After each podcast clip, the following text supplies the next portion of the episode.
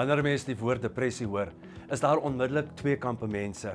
Die een kamp sê, "Ag, ruk jou reg, môre gaan dit beter." Die ander kamp sê, "Depressie is 'n siekte." In watter kamp val jy? Hallo, my naam is Johan Laten.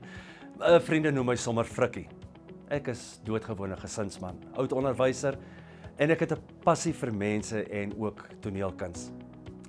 Ek is omtrent 3 dekades plus al reeds 'n depressievegter.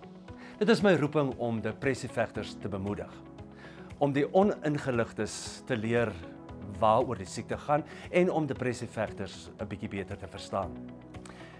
En so is die bewusmakingsprojek Depressie 101 gebore. Waar ek graag die inligting rondom depressie oordra deur middel van 'n een eenman opvoering #puppet. Nou ja, depressie is nie 'n doodsvonnis nie. Depressie is 'n behandelbare siekte. Daar is altyd hoop mits ons daaroor praat. Want ons almal word direk of indirek daardeur geraak. Ek is nie 'n sielkundige of 'n kenner van depressie nie. Ek deel net my eie ervaring van die siekte. Die rol wat depressie in my lewe gespeel het en nog steeds speel.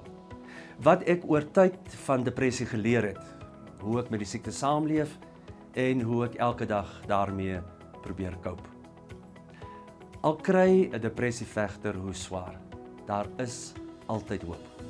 Hoe ek depressie ervaar en dit van dag tot dag bestuur, sal nie noodwendig op jou van toepassing wees nie. Maar ek hoop tog dat my insette jou sal bemoedig om aan te hou beklei teen die depressie. Maar jy moet onthou, jy mag en jy moet nooit depressie alleen aanpak nie. Kankerleiers kry ondersteuning en behandeling wanneer hulle dit nodig het. Ons depressievegters het dieselfde reg, want ons is siek. Al lyk dit nie so vir ander mense nie. Die mense sê jy kan nie jou familie kies nie. Ek het in 'n huis groot geword waar my pa 'n alkolikus was en ja, dis die gewone storie. Hy het die geld uitgedrink. Daar was huismoles, daar was hierdie interne vrees van kom by die huis en jy weet nie regtig wat om te verwag nie. So ek het groot geword in wat 'n mens kan noem 'n disfunksionele gesin. My pa was afwesig en die negatiewe rolmodel. En daarom het ek by my ouma en my tannie groot geword. En toe ek 11 jaar oud was, is my pa oorlede. My ma was enkel ouer en die finansiële uitdagings wat ons daardie tyd gehad het, is vandag nog steeds 'n childhood memory wat wat uitstaan. Elke dag was 'n struggle om te oorleef. En in die proses het ek nooit geleer om te praat oor dit wat regtig pla nie. En ek moes my optrede altyd meet aan wat gaan die mense sê? En die oplossing vir my was um, om net nooit by die huis te wees nie, want ek was altyd te besig met met skoolaktiwiteite en ek het die issues geïgnoreer. Maar ek en my suster is met liefde grootgemaak en ons het tog gekry wat ons nodig gehad het. Sal ek weer my familie kies? Baie beslis. Want dit wat ek oor tyd ehm um, moes leer, dit waaraan ek blootgestel was, het my voorberei vir my toekoms sodat ek vandag my roeping kan uitleef. Op universiteit het elke dag bestaan uit angs, spanning en na elke ete het ek elke dag hoofpynpille gedrink. En daar is Johan die nar gebore. Ek het altyd die hardste gelag, um aan mekaar gepraat.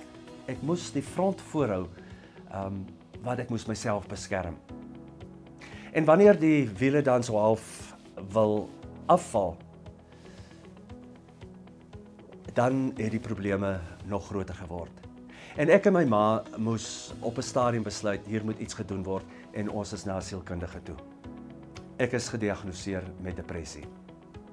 En die opdrag wat ons gekry het, was dat ek en sy moes praat oor die seermaak goed.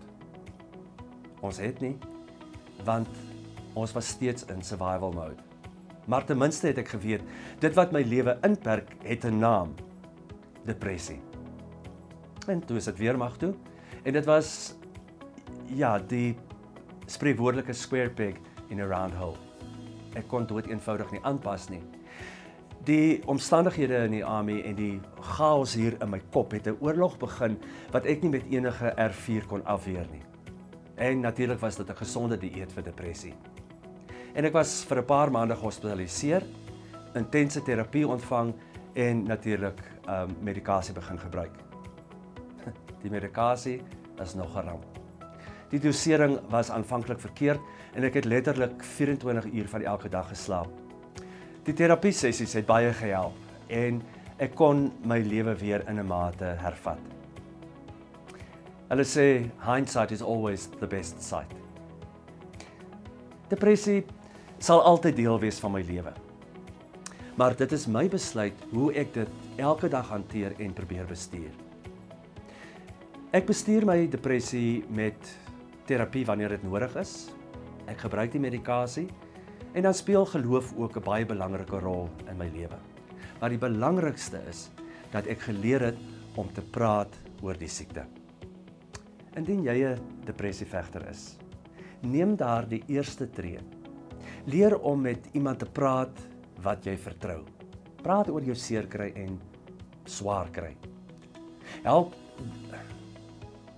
Praat oor die seer en die swaar kry.